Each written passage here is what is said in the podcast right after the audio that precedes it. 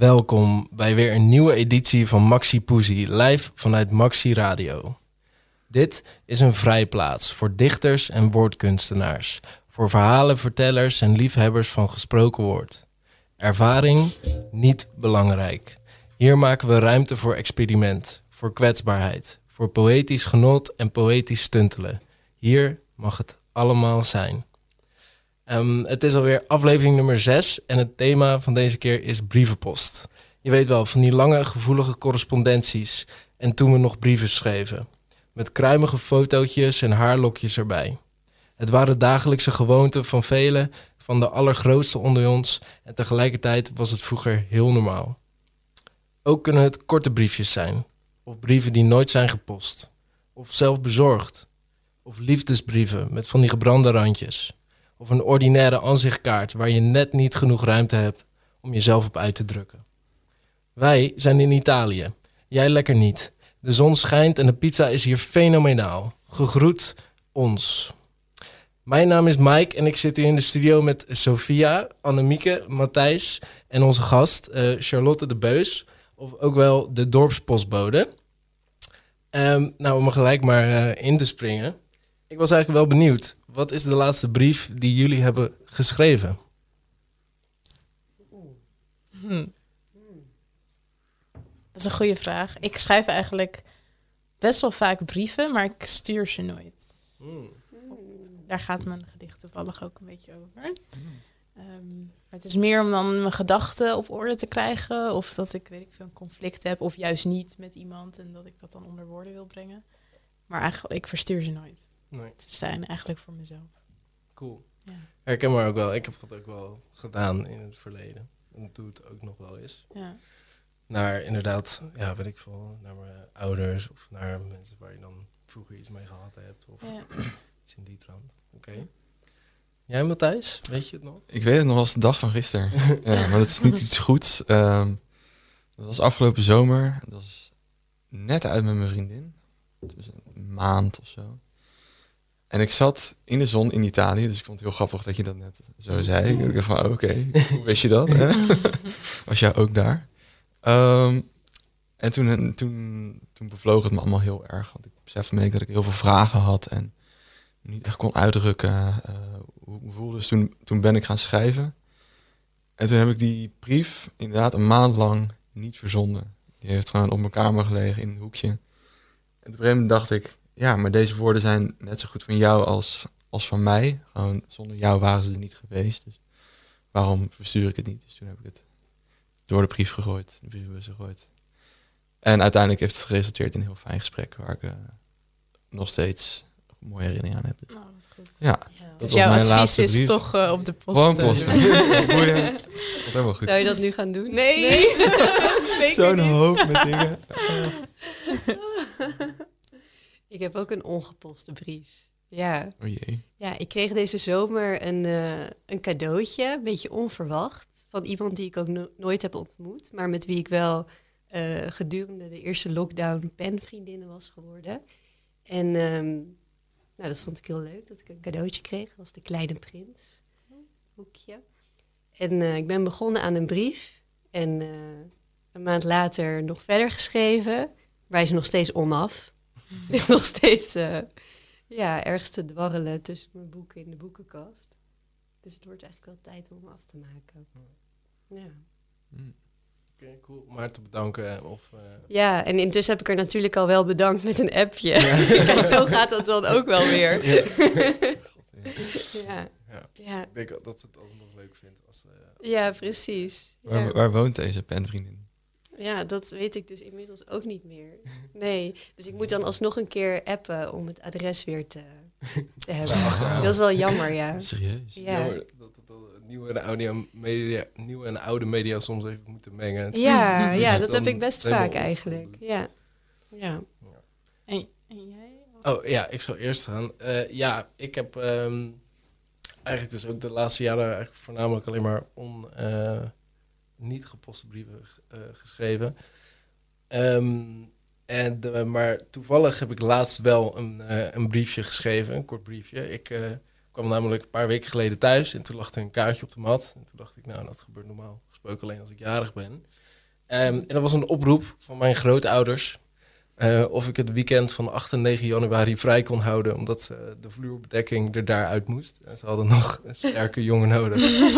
Eh, lief. Mijn broertjes hadden ook zo'n kaartje gehad.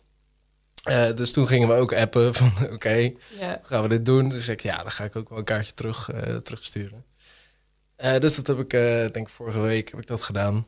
Eh, ja, een kaartje geschreven. Ehm, dat wij het natuurlijk, dat we ons vereerd voelden om onze grootouders te helpen met de verbouwing.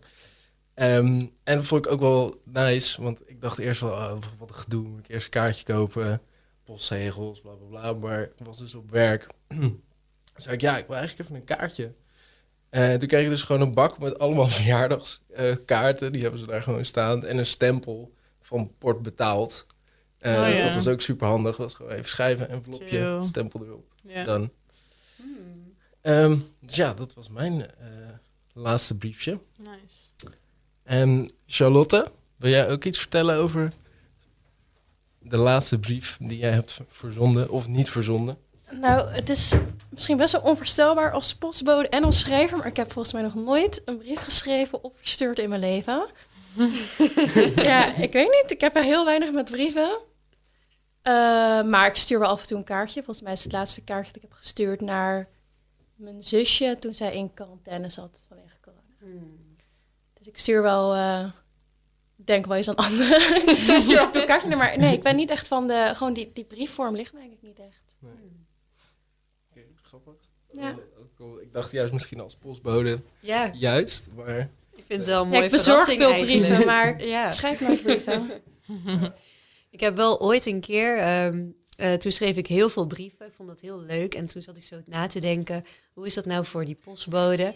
En toen heb ik eh, op een envelop, ik had een best wel groot pakketje voor iemand gemaakt, ook een brief geschreven aan de postbode. Oh, dat Ja. is wel echt heel erg leuk. Ik moet zeggen, ik heb een jaar als postbode gewerkt. En ik was best wel teleurgesteld in eerste instantie. Omdat, nou ja, wat jullie ook zeiden, post is natuurlijk niet meer... Of een brief is niet meer het medium wat nu dagelijks gebruikt wordt. Dus je hebt toch wel vooral Rijksoverheidbrieven en ja, af en toe een verjaardagskaart. Maar dat laat ook al veel aan de fantasie over. Ja. Dus ja, als ik, als ik schrijf over de post, dan gebruik ik wel best wel vaak dat idee van dat je als postbode natuurlijk tussen de zender en ontvanger zit. Mhm. Maar dat is wel bijna altijd verzonnen. Even Ja. gelijk de illusie en de romantiek te doorbreken. Maar het kan dus toch. Ja, Af en toe doet Ja. iemand het. Ja. Ja. Het kan nog wel, Ja. maar de Ja. infrastructuur ligt er nog.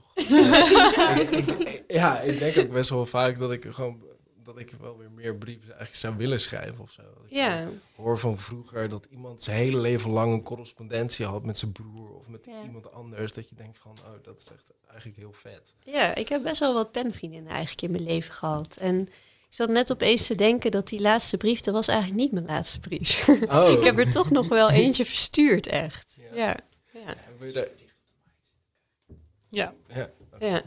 wel of niet? dichter op. Dichter, oké. ja.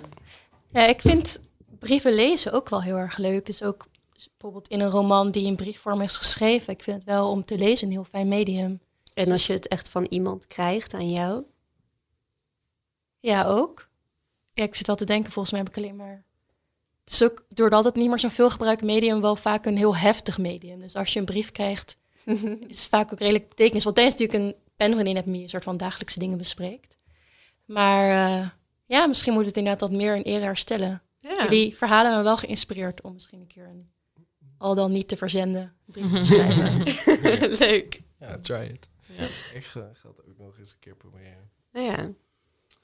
Ehm alright, dan without further ado gaan we denk ik naar eh, de eerste voordracht eh, van eh, vanavond. eh, van, vanochtend. Vanmorgen. Ehm, eh, en dat is eh, dit keer het gedicht van Matthijs. So step on up. Oké.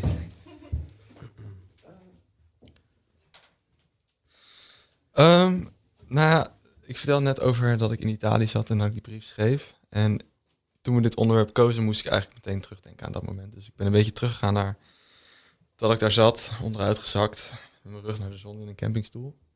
Ehm, ik heb het een beetje een eh, ja, surrealistisch tintje geprobeerd te geven. Ehm, het heet Postbus nummer 3. Ik zit met mijn rug naar de zon toe. Achter mij vult blauwe inkt langzaam een bergmeer ondersteboven. Sloom veranderen schaduwen op de grond. Het zijn net wolken waar ik beest in zie.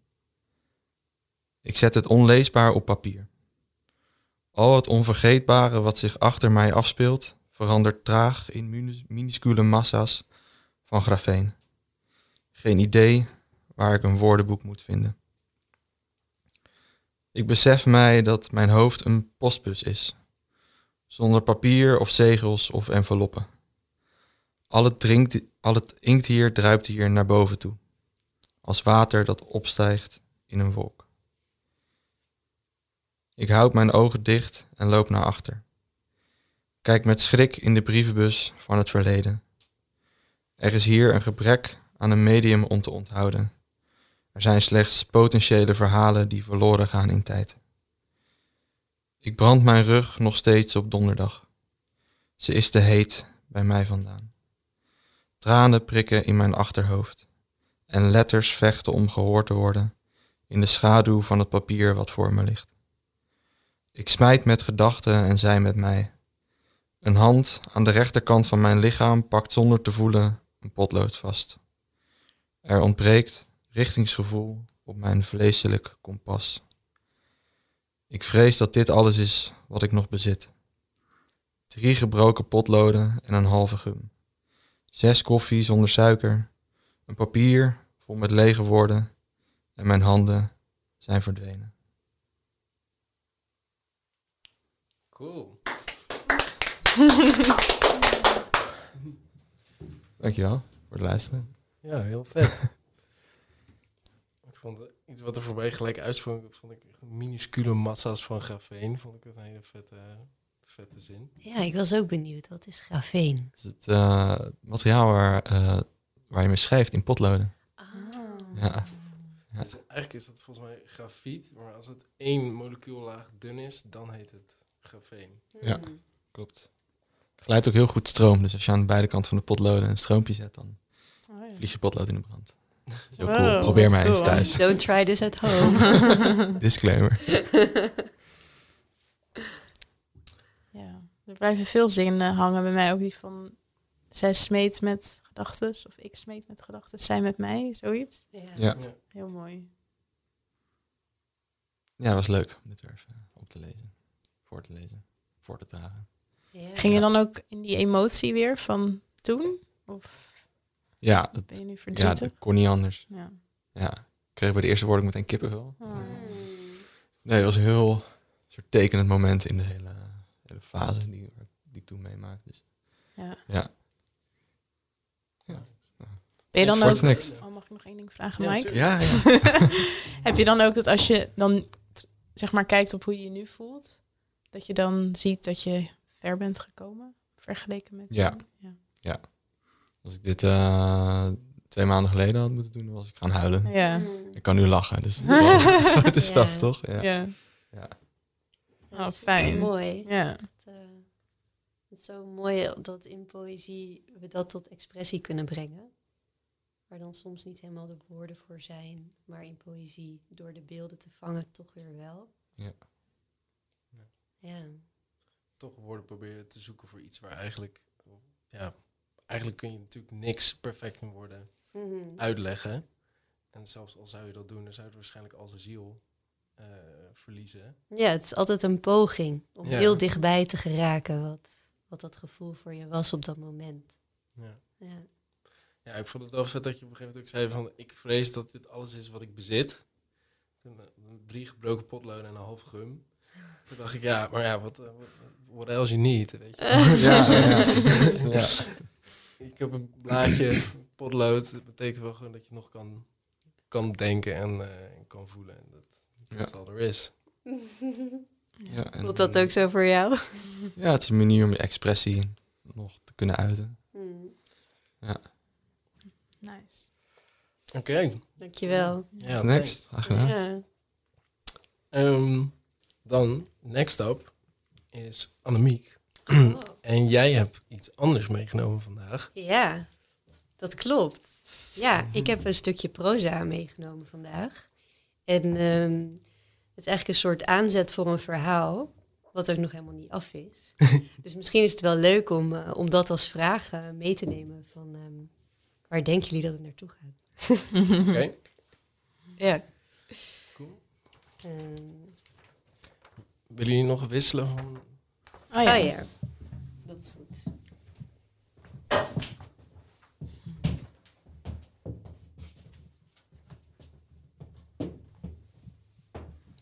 De wisseltruc.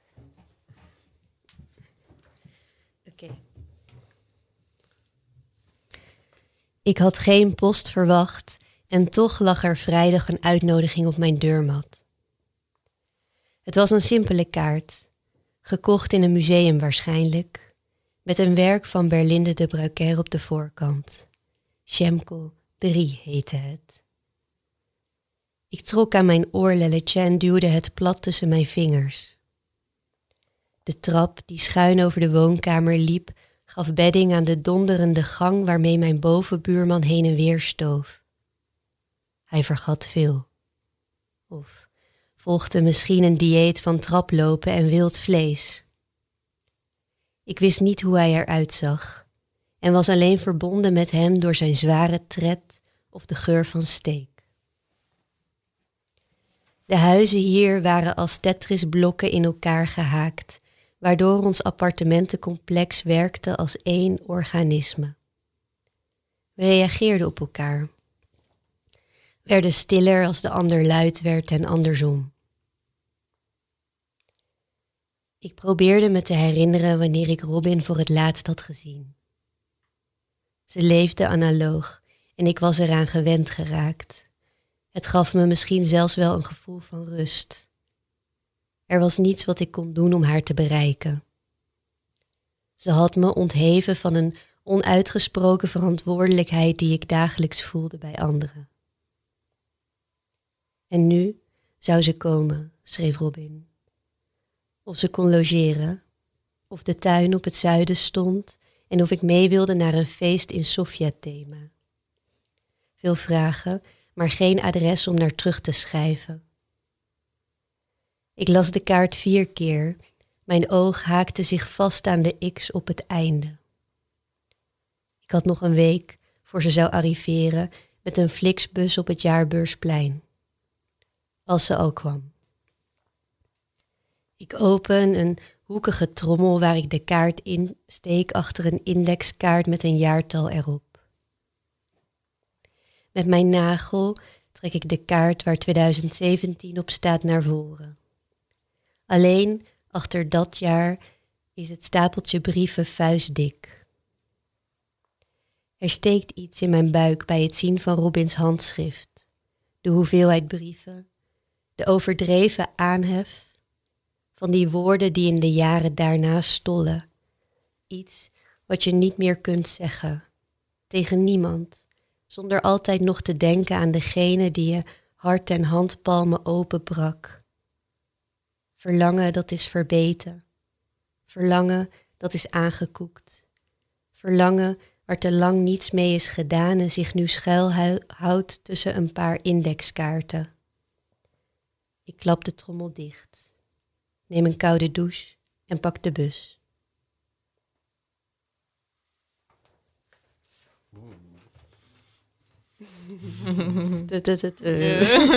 Ga door alsjeblieft. Oh. Ja, waar gaat dit heen? Ik heb geen idee, maar het klinkt wel echt... eh, het loopt wel echt super lekker. Ik ben ook wel echt eh, heel erg benieuwd waar het naartoe gaat. Ik had het, ehm, voordat we begonnen, had ik het ook even gelezen. Maar je hebt het volgens mij wel... eh, of dit is een nieuwe versie, of... Ja, ik heb een paar zinnen eruit gehaald. Ja. Dat klopt, ja. Ja, dat was Ja. wel grappig. Dat waren toevallig een paar zinnen waar ik heel erg op aanging. Oh. Oeh. Oeh. ben ik wel benieuwd. Welke dan? Ehm, even kijken. Je zei ehm, over de, eh, de bovenbuurman. Mhm. Je zei, eh, ik wist niet hoe hij er- eruit zag. eh, en was enkel verbonden aan zijn zware tred die mijn gedachten verstoorde op precaire momenten of de geur van steak. Oh ja. Daar heb je een stukje geschoopt. Ja, die, die precaire gedachte. Want ik dacht, die steek, die komt dan op een heel gek moment. Gedachte en steek. Oké. Ja. En ook eh, toen je vertelde over het appartementencomplex werkte als één organisme, toen zei je, we reageerden op elkaar, werden stiller als de ander luid werd en overstemden elkaars muziek, gevrij en conflicten. Ah ja. Dat vond ik wel een hele mooie zin. ja. Ehm, Ook nog één die er wel in staat? Of, eh? ja, nee, zeker sowieso, sorry. Maar hier, die, eh, dit viel me even op. ja, nee. Ehm, Dat is grappig hoe dan. Ja, omdat we nu dus iets later hebben opgenomen dan gepland, dan ga je toch weer een beetje schaven. Of ik doe dat dan wel. Ik weet niet of jullie dat ook hebben gedaan. Ik heb ook een beetje geschaafd. Ja, ja, oké. ja. Ehm, alright. Ja, ik vond het ook zo mooi, het idee dat je zegt op een gegeven moment dat Robin analoog leeft en dat het voor jou eigenlijk een cadeau is, omdat jij dan niet op haar appjes of iets moet reageren. Dat ja. vond ik zo'n mooie gedachte, omdat zo voelt dat inderdaad nu echt. Dat je ja. krijgt zoveel dingen waar je op moet reageren, dat als iemand, als je iemand eigenlijk gewoon alleen kan bellen, dan is dat eigenlijk heel chill nu. Ja, Terwijl ja. het is natuurlijk begonnen als een luxe of iets dat iedereen wil of dat juist makkelijker is, maar het is te veel geworden. ja, het is te veel. Oh, helemaal Ja. voorbij. Ja. ja. Ja. Ik Ja. vond het gevoel heel fijn beschreven.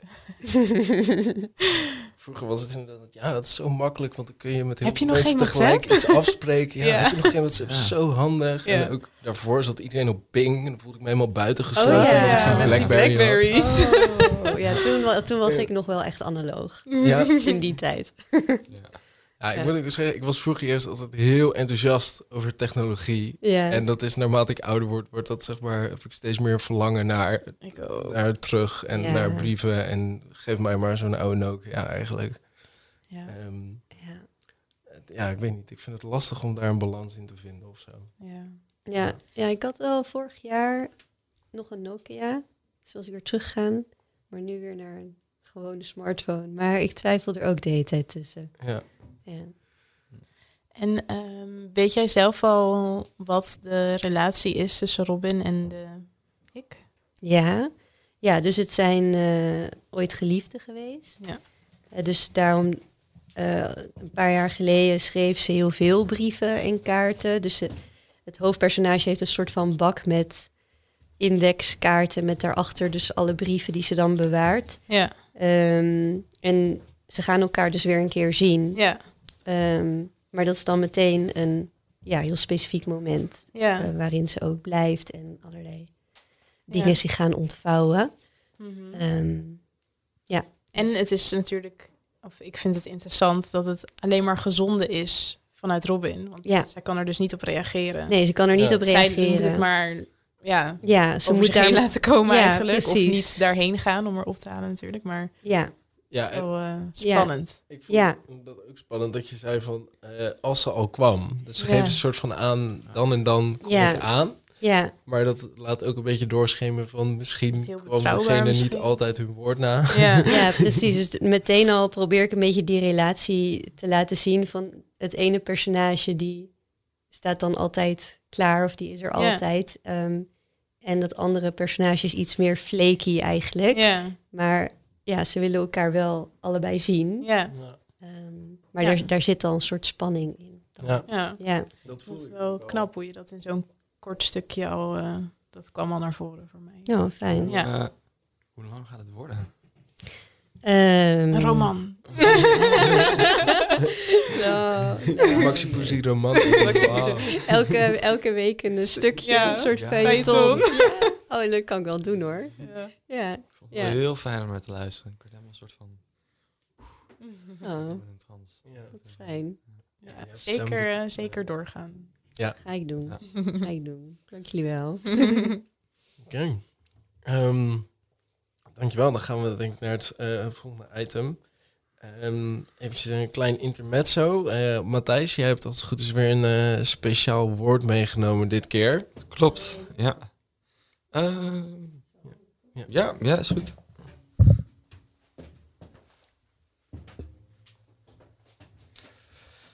Ehm, ja, het woord van deze aflevering is spam. Spam. Spam. En we kennen spam als iets, iets heel eh, ja, onbruikbaars, iets onnuttigs, iets onwensbaars. Iets wat je helemaal niet wil ontvangen, maar je krijgt het toch. Agressie opwekkend. Ja, een beetje misschien. Ja, eh, zo'n mailbox die maar blijft overstromen met irrelevante informatie. Een beetje, sluit wel aan op het thema wat we net hadden. Maar dat is het helemaal niet. Ehm, ik zal bij het begin beginnen. Eh, dit is een leuk verhaal. Ehm, in de tijd dat Microsoft eh, hun softwarepakket aan het ontwikkelen was, hadden ze nou, mail. Dus dan kon je via een e-mailadres iets naar elkaar sturen. Maar dachten ze van ja, wat moeten we nou met e-mails die mensen ontvangen? Moeten we dat nou noemen? Gewoon ongewenste e-mail. Wat moeten we daarvoor voor woord aan hangen? Eh, en toen de tijd had je Monty Python. Die kennen we van Monty Python, Mm. Holy Grail. Die deden allemaal gekke sketches. En die hadden toen de tijd een sketch waarin ze een kantine hadden van een bedrijf. En daar hadden ze twee dingen, bruine bonen en spam. En spam is een hele goedkope soort vlees, meestal uit blik. Het Een is gewoon soort smak, toch? smak is het Ja. Nederlandse woord, ja. Ja. Eh, en niemand wilde dat hebben in die sketch. niemand wilde dat. Iedereen ging naar die kines van, nee, ik wil geen smak, ik wil geen spam. en zij hebben het dus dan gewoon letterlijk uit die sketch gehaald en in de ja, Microsoft Wow. mail software Oh, geplakt. dat is echt heel leuk. ja, ja da- daar komt Een het vandaan. beetje. En nu is het compleet uit zijn context Ja, getrokken, maar dat is wel gewoon wat spam is. Ja. Ja. Nice. Grappig. Oh, ik ga die sketch ook kijken. Ja. benieuwd. ja, daar wil ik ook wel ik benieuwd naar. Ja. ja, en even shout-out naar mijn oude Engelse literatuur eh Heeft hij dat Oh, ja. docent verteld? voor dit verhaal. Oh, wauw. Oh, wat goed. echt eh, heet eh, hij, zij, hem? eh, meneer Borm. Meneer Boor. Ja. Ja, thanks, meneer Als je Borm. luistert. Nice. Een legend. Oké. Eh, iets anders dan spam. Eh, ik heb dit keer heb ik ook een. ehm, eh, ik heb even contact gehad met Index, de eh, poetry store in, in Leiden. Eh, ik kon helaas door omstandigheden kon ik eventjes niet heen, dus ik heb niks fysieks meegenomen. Maar twee lieverds van Index, eh, die hebben mij wel eh, geholpen. Eh, ik had eerst mailcontact met Anna, eh, toen ik vroeg of zij wist van bundels eh, die met betrekking tot het thema eh, brieven of brievenpost, eh, ja, of ze daarvan af wist. En toen kreeg ik echt zo'n lijst. dus, eh, dus dat was echt eh, heel chill. Ehm, en dan zou ik eigenlijk langs gaan, maar dat ging uiteindelijk niet. En toen heeft Laurens, die heeft me uit die bundels wat dingetjes opgezocht en toegestuurd. En daar wil ik er eigenlijk eventjes een van voordragen. Leuk. Ehm, dus ik heb dit keer niks zelf geschreven. Maar ik ga wel iets voordagen. Ik moet eventjes de, opzoeken. Ja, het is van Harry Martinsson. En dat zeg ik zo omdat hij uit Zweden komt. Eh, ik zal het Oh. eerst eventjes voordragen en daarna eh, iets over vertellen. Brief van een olieman. Geachte ontvanger van deze brief.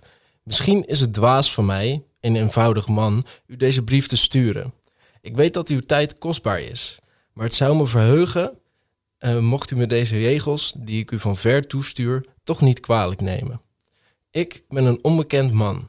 Mijn beroep wordt olieman genoemd. Ik reis op zee waar ik glijijzers en lagers olie. Mijn beroep bestond niet in de tijd van, van de timmerman. Mijn vak is tijdsgebonden en heet olieman. Het behoort tot alle tijden die metalen raderen hebben of hadden. Nog is mijn beroep geen gangbaar symbool geworden. De mensen willen steeds sneller vooruit en gebruiken daartoe alle denkbare wissels en wielen. Toch willen ze de oude symbolen en zinnenbeelden behouden. Zoals de sikkel in de tijd van de naaimachine en de zeis van de dood in de tijd van het machinegeweer. En de naam van de wagen in de tijd van de vuurspuwende krijgswagen.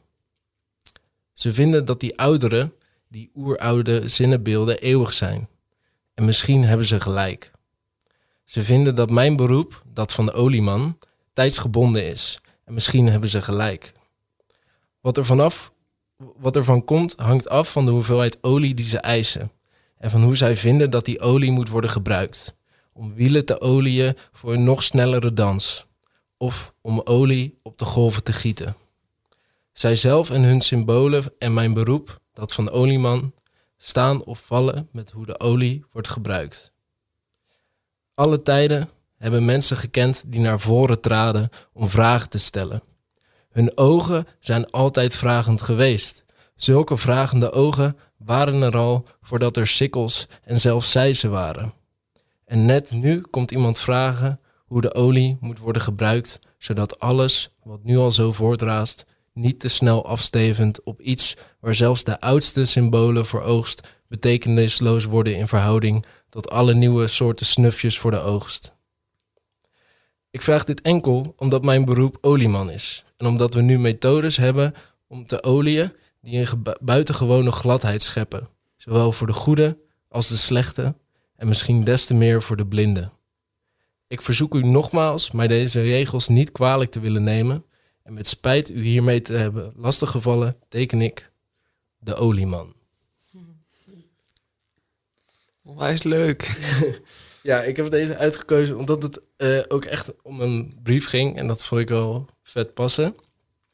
Maar ik vond het ook eh, ja, best wel vet. Ehm, hoe die eh, speelt met de oude symbolen. Samen met de nieuwe symbolen. Dus bijvoorbeeld de vuurspuwende krijgswagen. dat is natuurlijk de tanks die eh, in die tijd... Ja, het is begin eh, mid 20e eeuw. Ehm, hij is in 1929 is hij eigenlijk begonnen met, met dichten. Ehm, dus het is een beetje vanuit ja, de roerigheid van de 20e eeuw gekomen. En dat vind ik wel heel vet. En ook toen ik even het verhaaltje, eh, het verhaaltje, een beetje op zoek ging naar verhaal achter deze man, kwam ik ook wel achter ja, een interessant verhaal, best wel tragisch. Deze man eh, is in eh, Zweden geboren in 1904, als ik het goed zeg. En hij is op een hele vroege leeftijd is hij wees geworden. En toen is hij eh, naar een weeshuis gegaan.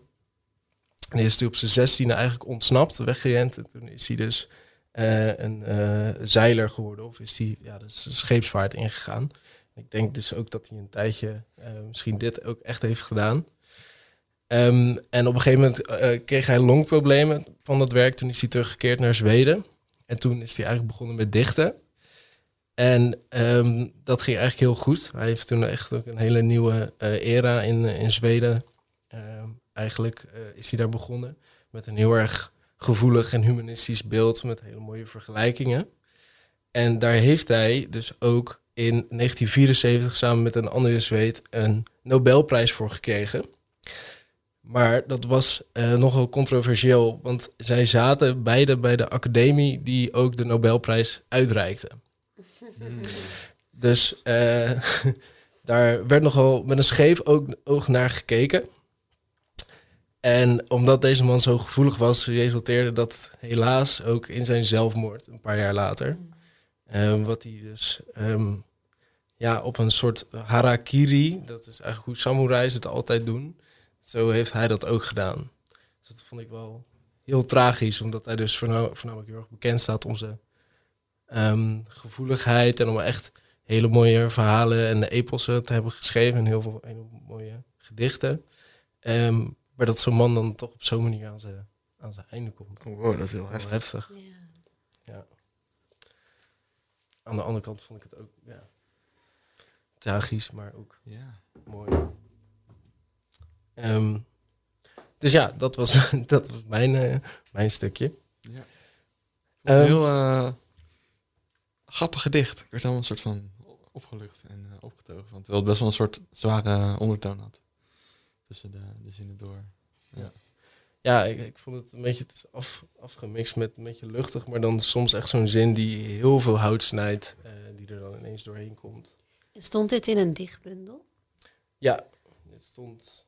Het ook wel interessant, omdat het, het voelde voor mij ook heel informatief of zo. Dat ik soms ook een beetje verdwaalde in de, de tekst van wat wordt er allemaal gezegd. Ehm, maar bijna ook alsof je echt iets leert over het beroep van een olieman en hoe dat er dan aan toe gaat.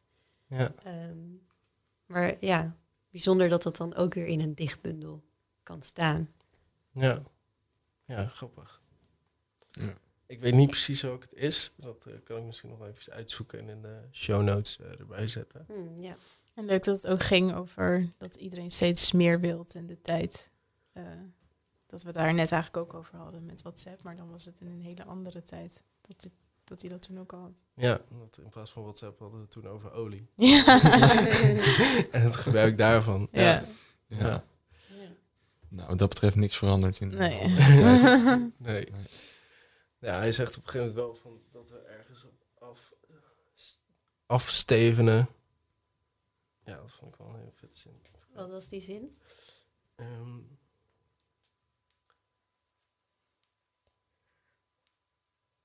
ja, zodat alles wat nu al zo voortraast niet te snel afstevend op iets waar zelfs de oudste symbolen voor oogst betekenisloos worden. In verhouding tot alle nieuwe soorten snufjes voor de oogst. Dus het is een soort van, het is echt op het moment als, wat ik eruit haal, is dat als progressie zeg maar zo snel, zo snel gaat, dat een soort van alle oude symbolen die we hoog hadden staan eigenlijk een soort van verbleken tot alle nieuwe dingen die bij die eh, progressie komen kijken, die eigenlijk veel minder kernwaarde hebben of zo. Ja, gaat dan ook eigenlijk wel heel erg over kapitalisme en hoe dat zo de samenleving een beetje uitholt. Ja, Ehm, of het verlies van spiritualiteit of zingeving. zeker. Ja, Dat eh, nou, voel ik in ieder geval om me heen gebeuren. ja, Ehm, het is dan bijna een soort profetie of zo, omdat het dan al zo oud is, Ja. maar het Ja. nu heel actueel. ja, het voelt nog steeds heel relevant, vind ik. Ja, of het is misschien ook wel een proces wat al lang aan de gang is. Ja. Ja. Ja. Ja, waarnaar houdt het op? Nice, Mike. Ja, Ja. thanks. Ja, dankjewel. Oké, dan wil ik nu eh, Charlotte verwelkomen tot eh, de voordracht, Mike. Ja, de arena.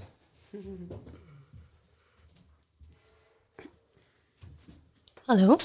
Hi. Hey, leuk dat je er bent. Ja, leuk dat ik Ja. hier mag zijn. Ehm, ja, eh, jij verscheen kort geleden op eh, onze radar. nee. Zo gaat dat. Ehm, nee, we zagen dat je op Instagram heb je een account dat heet De Dorpspostbode. En waarbij je gedichtjes eh schrijft over alles wat jij tegenkomt tijdens het postbezorgen. Wil je daar iets eh, over vertellen? Ja, eh, Nee, ja ik zal me denk ik eerst maar even kort voorstellen. Ja. Ik ben dus Charlotte de Beus, ook dus al bekend als de dorpspostbode. De postbode die naast post ook poëzie brengt. En ja, ik heb dus een redelijk ac- actief Instagram-account waarin ik de belevenis van de dorpspostbode deel. Want ik ben nu een jaar werkzaam, of eigenlijk werkzaam geweest moet ik zeggen, want ik ben recent gestopt als postbode. En dat bleek, eh, en daarna schreef ik poëzie, maar dat werk bij de post bleek een ontzettend productief beroep voor schrijven. Ook omdat ik dus dorpspostbode was in een dorp, half fietsen buiten Leiden.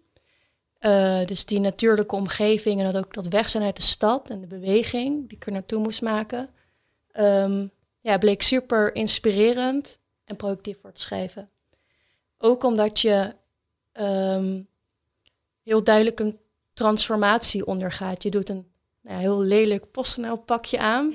Dus je bent heel duidelijk voor ook de, ja, de, de mensen in het dorp een buitenstaander die heel even komt en waar ook dus op gewacht wordt. En die ook weer weggaat. Dus mensen praten ook heel makkelijk tegen je. Ehm, en ja, je bent eigenlijk een soort van tussenpersoon. Ik voelde me een tussenpersoon tussen de afzender en degene die de brief krijgt, maar ook tussen de stad en het dorp.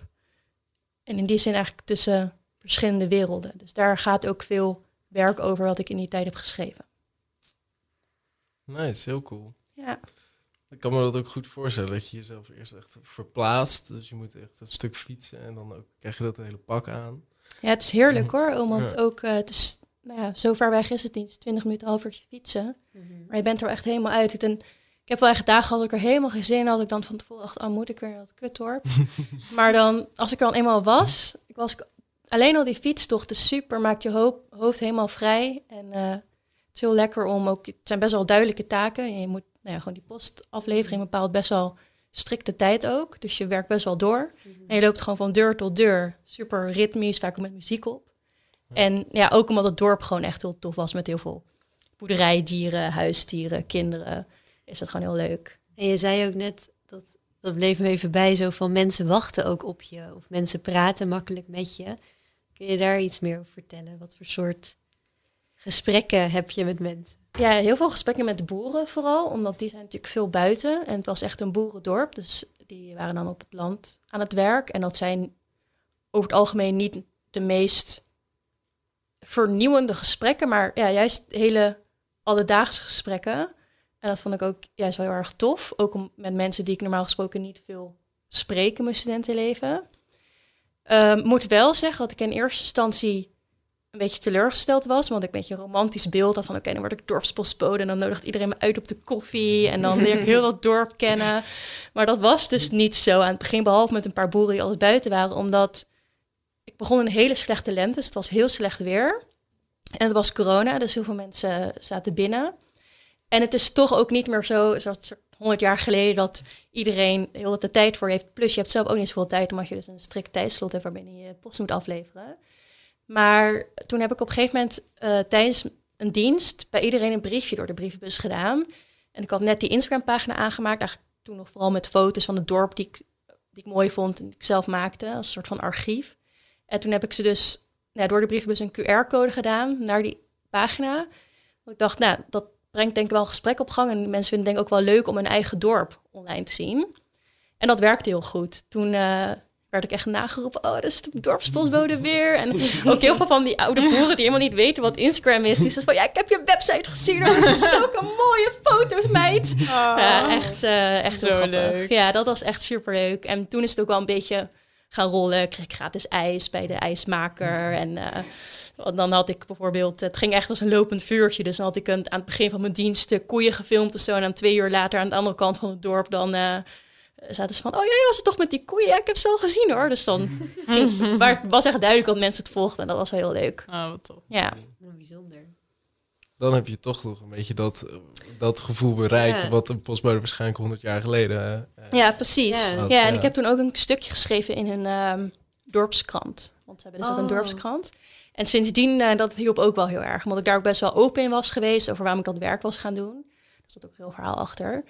Um, dus dat, dat waardeerden mensen heel erg. En toen, dat bracht bij gesprekken op gang. Wat ik ook zo interessant vind aan wat we tot nu toe dan ook hebben besproken... is hoe we eigenlijk allemaal digitale middelen gebruiken om de analoge wereld weer opnieuw leven in te blazen.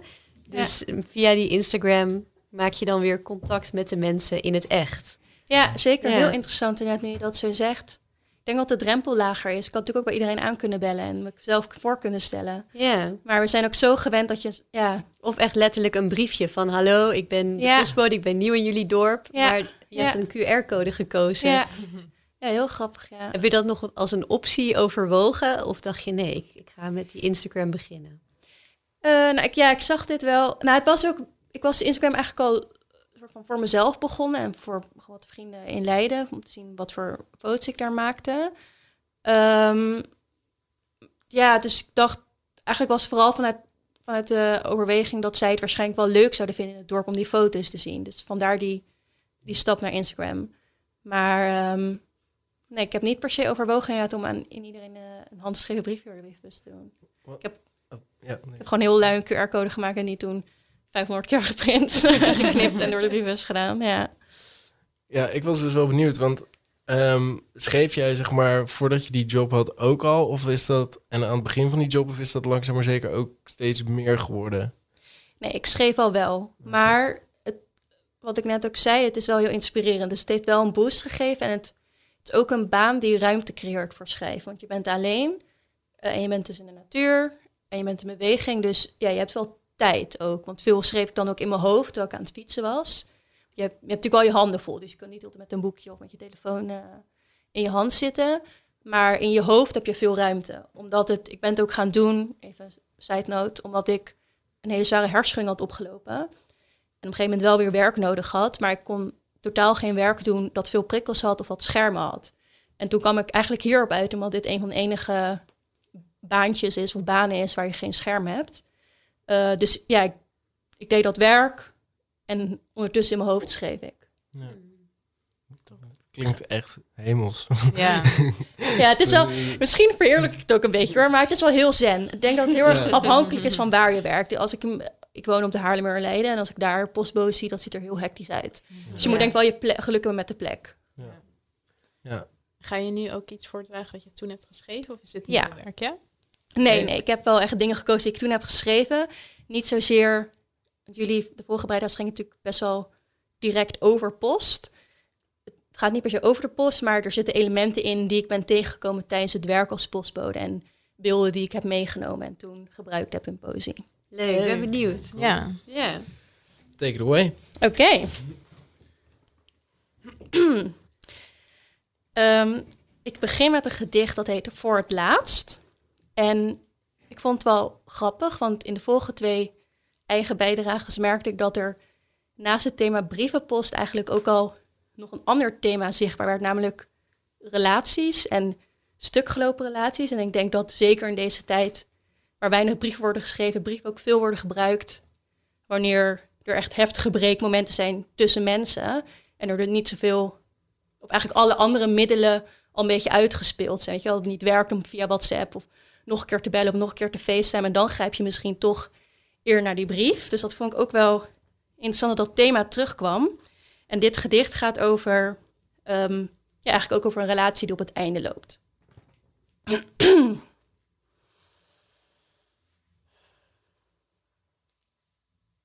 Voor het laatst. Zoals er in elk wijds landschap waar we doorheen fietsen, toch telkens weer schapen opdoemen, komt het vrije altijd in vaste vormen. We tellen billen met verfvlekken en woelen met onze handen door een vaag gebied tussen onvoorwaardelijk en niet alleen willen zijn. In de pauze leg jij diepgevroren boterhammen op mijn beurzen knieën en je verontschuldigt je voor alle keren dat je er niet was. Steden met vertrouwde gezichten in de vensterbanken slaan we over, omdat herkenning het landschap van ons samen zijn uitrekt, onnodig uitstrekt. We willen slechts onszelf nog eenmaal over het stuur heen vouwen, het brood en water delen en het dan voor het laatst oneens worden over de juiste weg naar huis.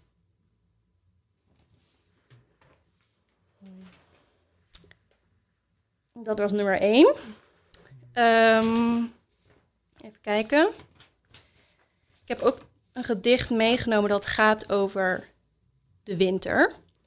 Omdat je als je als postbode buiten bent heel erg bewust de seizoenen meemaakt, ben ik ook in die tijd meer gaan schrijven over het weer. Klinkt niet alsof je er ook al schrijft, maar je kan best wel veel schrijven over het weer. En ehm, ja, over de seizoenen en hoe bijvoorbeeld de natuur verandert en wat, wat voor invloed de seizoenen op jou hebben. En voordat de podcast startte hadden we al een kort gesprek over de winterdip, waar veel mensen last van hebben. Ik moet zelf zeggen, ik merk wel natuurlijk dat, je last hebt van dat het minder licht is.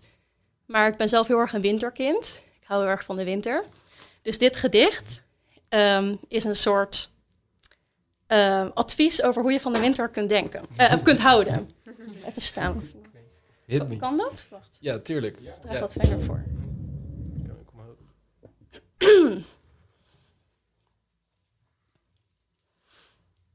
Waaraan te denken om van de winter te kunnen houden. Ook al duurt ze lang en is ze eigenlijk nog niet eens begonnen, hè jongens? Denk aan warme broodjes in de ochtend. Hoe harder je de korst bakt, hoe makkelijker de zachte binnenkant zich tot een kleverig bolletje laat vormen. Eerst in je hand, daarna in je mond. Denk aan glasheldere winterkou op je wangen, aan sneeuw die onder je schoenen vertroebelt, maar in het hoofd altijd even wit blijft. Denk aan alles wat je hebt verloren aan de zomernacht, aan oververhitte gezichten in je handen, zo heet en vloeibaar dat ze inwisselbaar werden. Denk aan een schoot onder een lang en ophangend tafelkleed, aan rode wijn en een hand in een hand in een schoot. Denk aan warm en zacht worden van binnen. Denk aan heel helder en wit kunnen zien in het donker.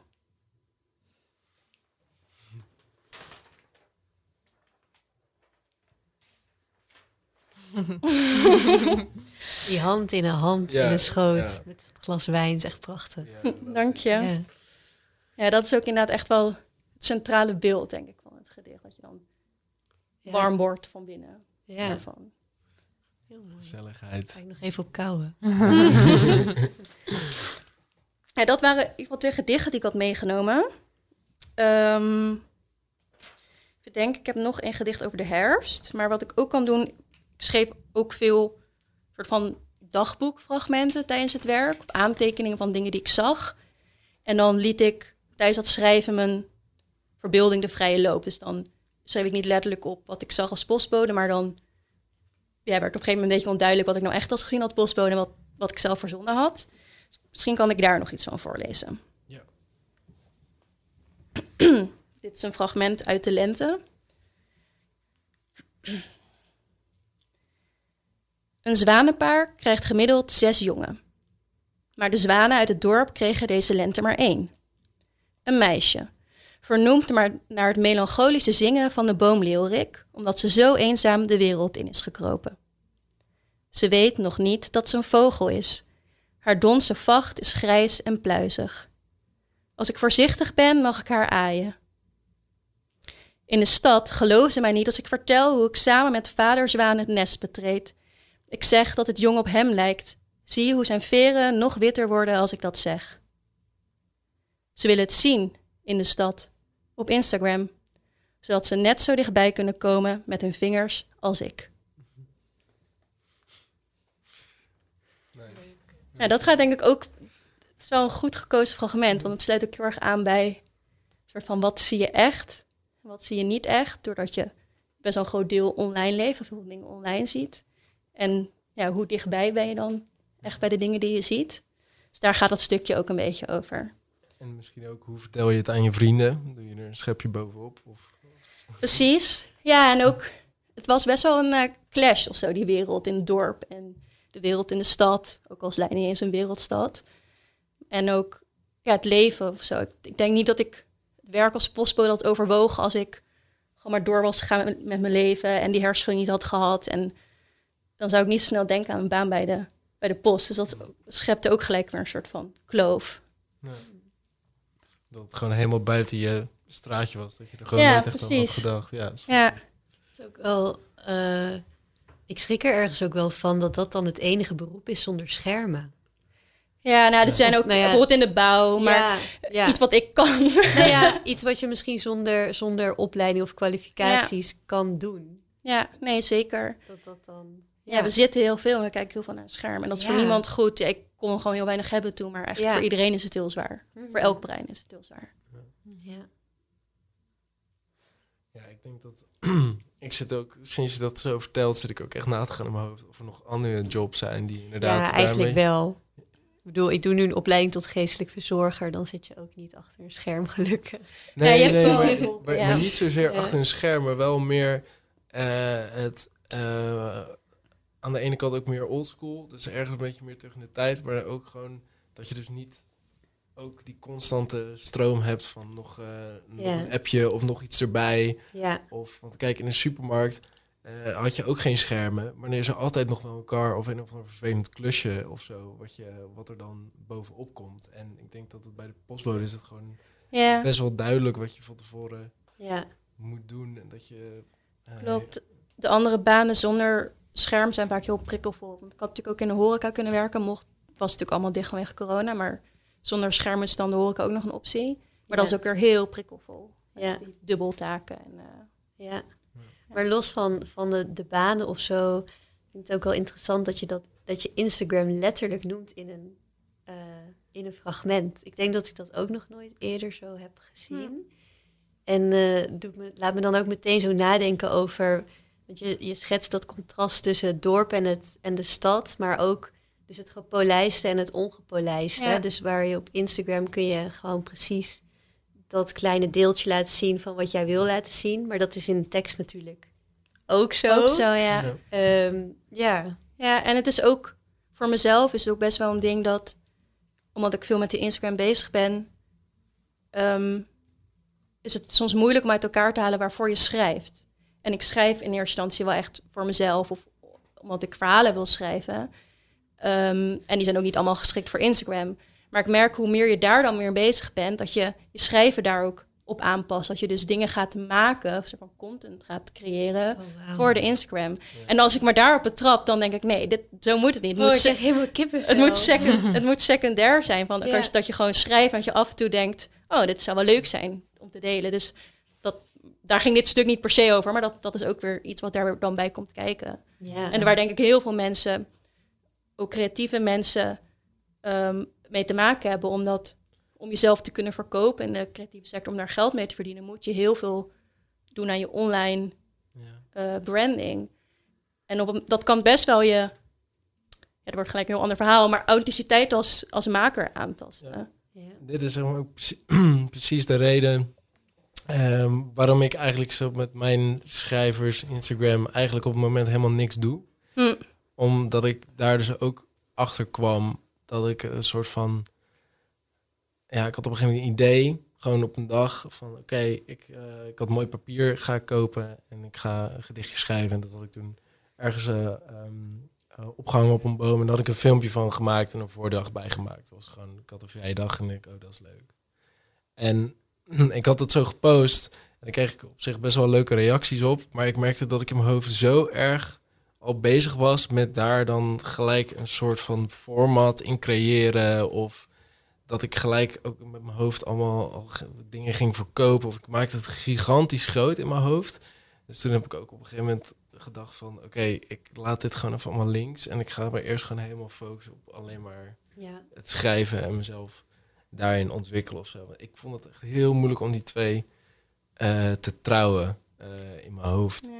Ja. Ja. ik denk dat het zeker niet verkeerd is om af en toe eh, gewoon een maandje het helemaal uit te zetten. Dat had, jij had het ook net over je Nokia. Ik heb ook toen met die hersenschudding bijna een jaar geen telefoon gehad.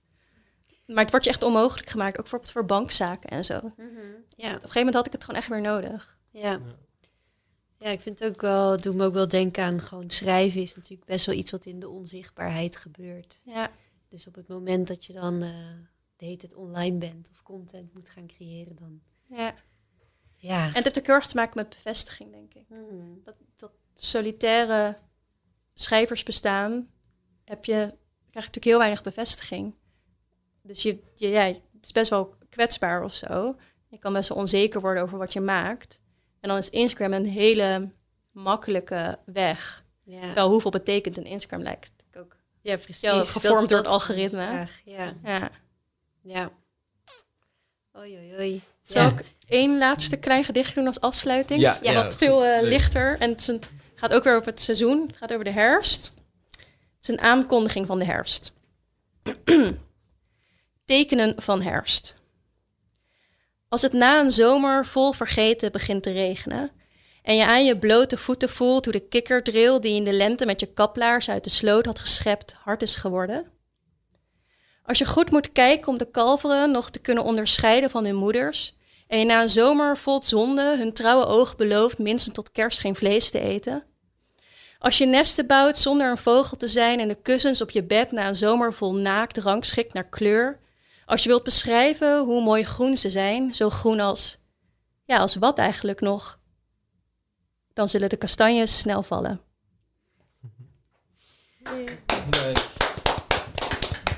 Dankjewel, Dankjewel Charlotte. Graag mooie gedaan. voordracht. Ja, Ik heb nog geen tijd gehad om te reageren, maar ik vond het echt heel leuk. ik zat iedere keer gewoon met zo'n smile in mijn, in mijn, op mijn gezicht in dat hoekje. ik kom er zelf uit een dorp, dus ik herkende heel veel gewoon van de koetjes en de, en de vogelnestjes en dat kikkerdril wat je dan inderdaad met je laars uit de sloot ging vissen. Ja. heel schattig zo Ja. Dat deden dat dan in zo'n grote vaas in de woonkamer. Dan zag je ze zo groot worden en zo. Fantastisch. Welk dorp was het? Dat vroeg ik me de hele tijd af. Moet ik dat even naar, Oude Aden? Oh, Ah, ja, uit Aden. Zeker. Oh, dat is echt heel leuk. Ja, dat Ja. is eh, Ja. inderdaad zen op een half uurtje fietsen. Ik ben eh, Heel veel wielrenners ook, ja. ja, Ja, uit Aden. daar, ik moest er altijd doorheen fietsen naar school, naar de middelbare school. Eh, en ja, toen vervloekte ik dat dorp echt. Maar als ik er nu, als ik er nu alweer eens ben, dan merk je inderdaad wel echt hoe rustig het is. Ik ben er van de zomer gewoon gaan wandelen. En dan merk je inderdaad echt dat zen toch nog best wel dichtbij kan zijn. Ehm, ja, heel mooi schattig dorpje is dat.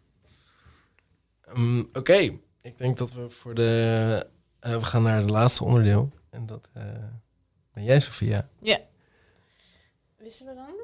Ja, laten we eerst wisselen.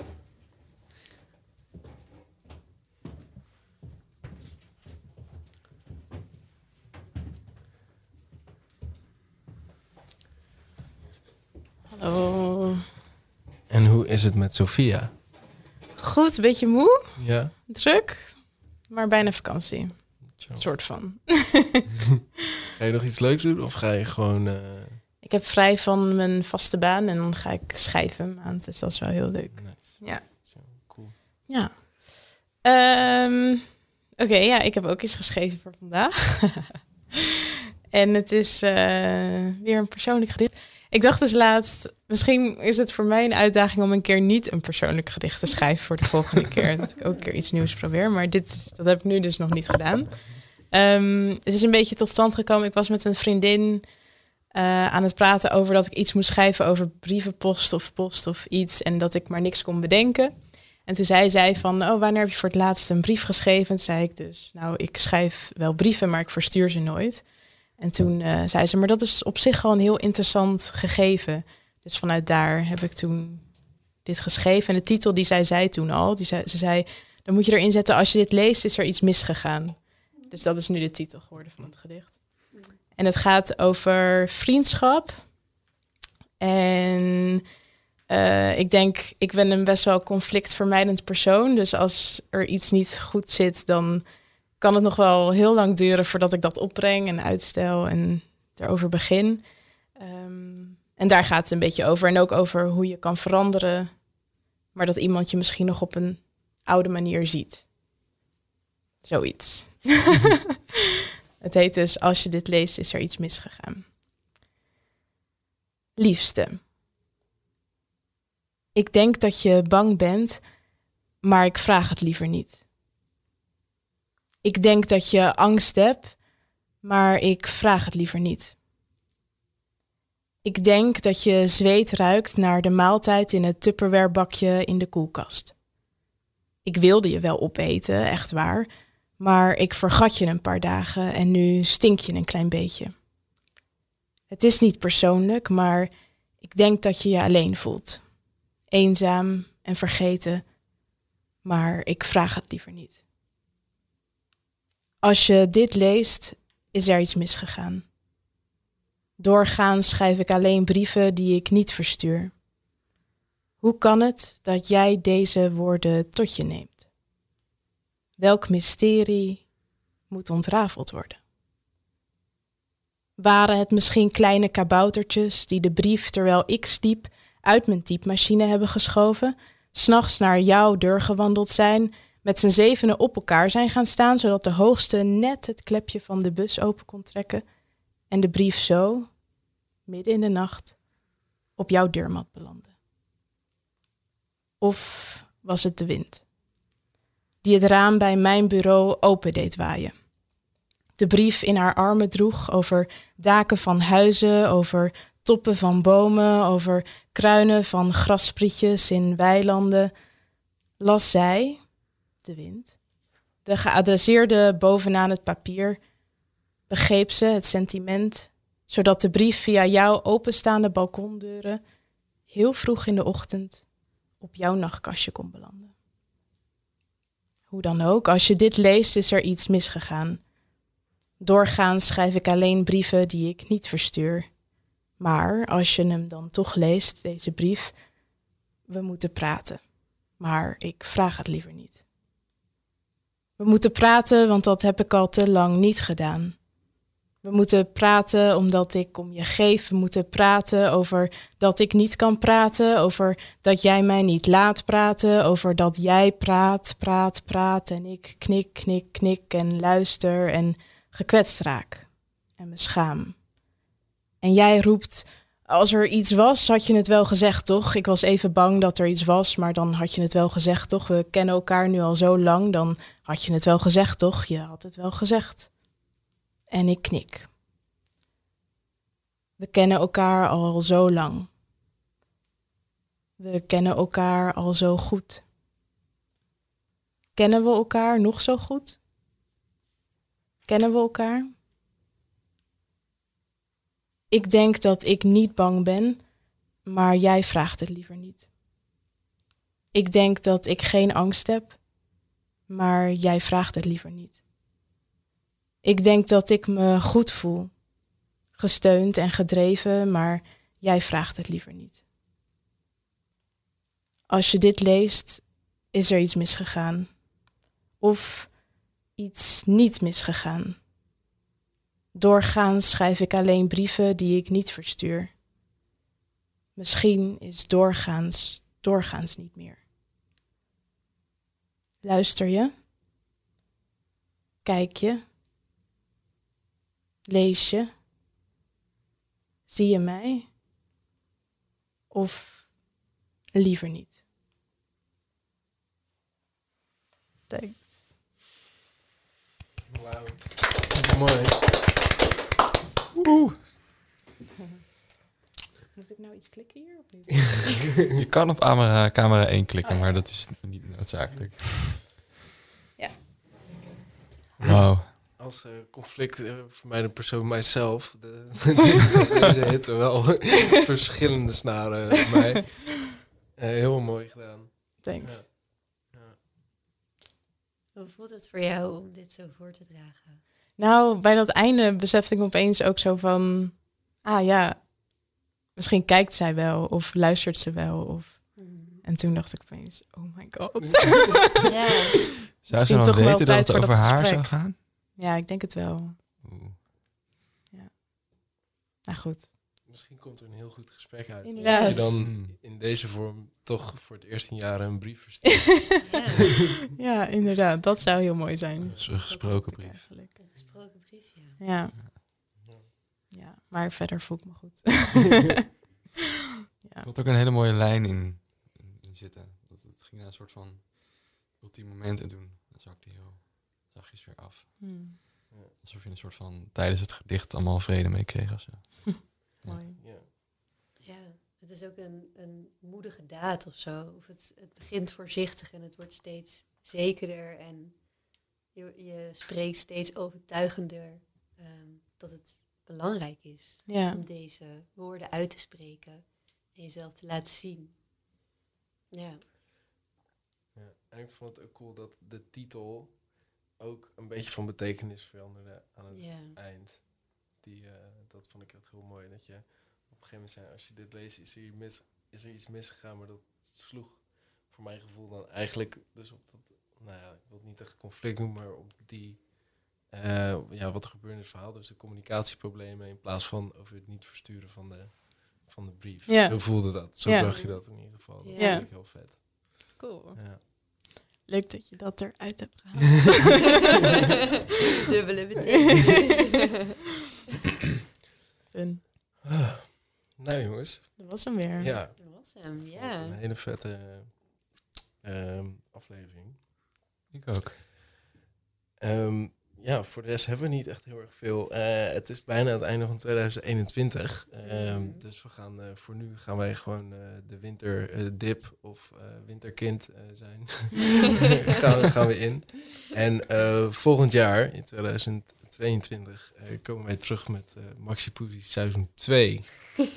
Hoe- Ja, In welke vorm, dat weten we nog niet. weten we nog maar- niet. Onthoud, het is een vrijplaats, dus we gaan er nog eh, ja, lang en breed over brainstormen en over nadenken. Maar Ja, en eh, mochten er mensen luisteren die het leuk vinden om ook een keer voor te komen dragen, laat het ons weten. ja. De digitale wegen. ja, ik wou net zeggen. Schrijf een brief. Slide in onze. DM's. Och. Wat is het adres van Maxi Radio? Dat is eh Overrijn nummer 2, Over- 2311 Karel Anton Leiden. Oh, dat zou heel leuk zijn. Ja. Stuur maar een kaartje. Stuur maar een Vinden we nog leuker. Oké. Alright. Eh, jingle. Jingle, ik ga de jingle aanzetten.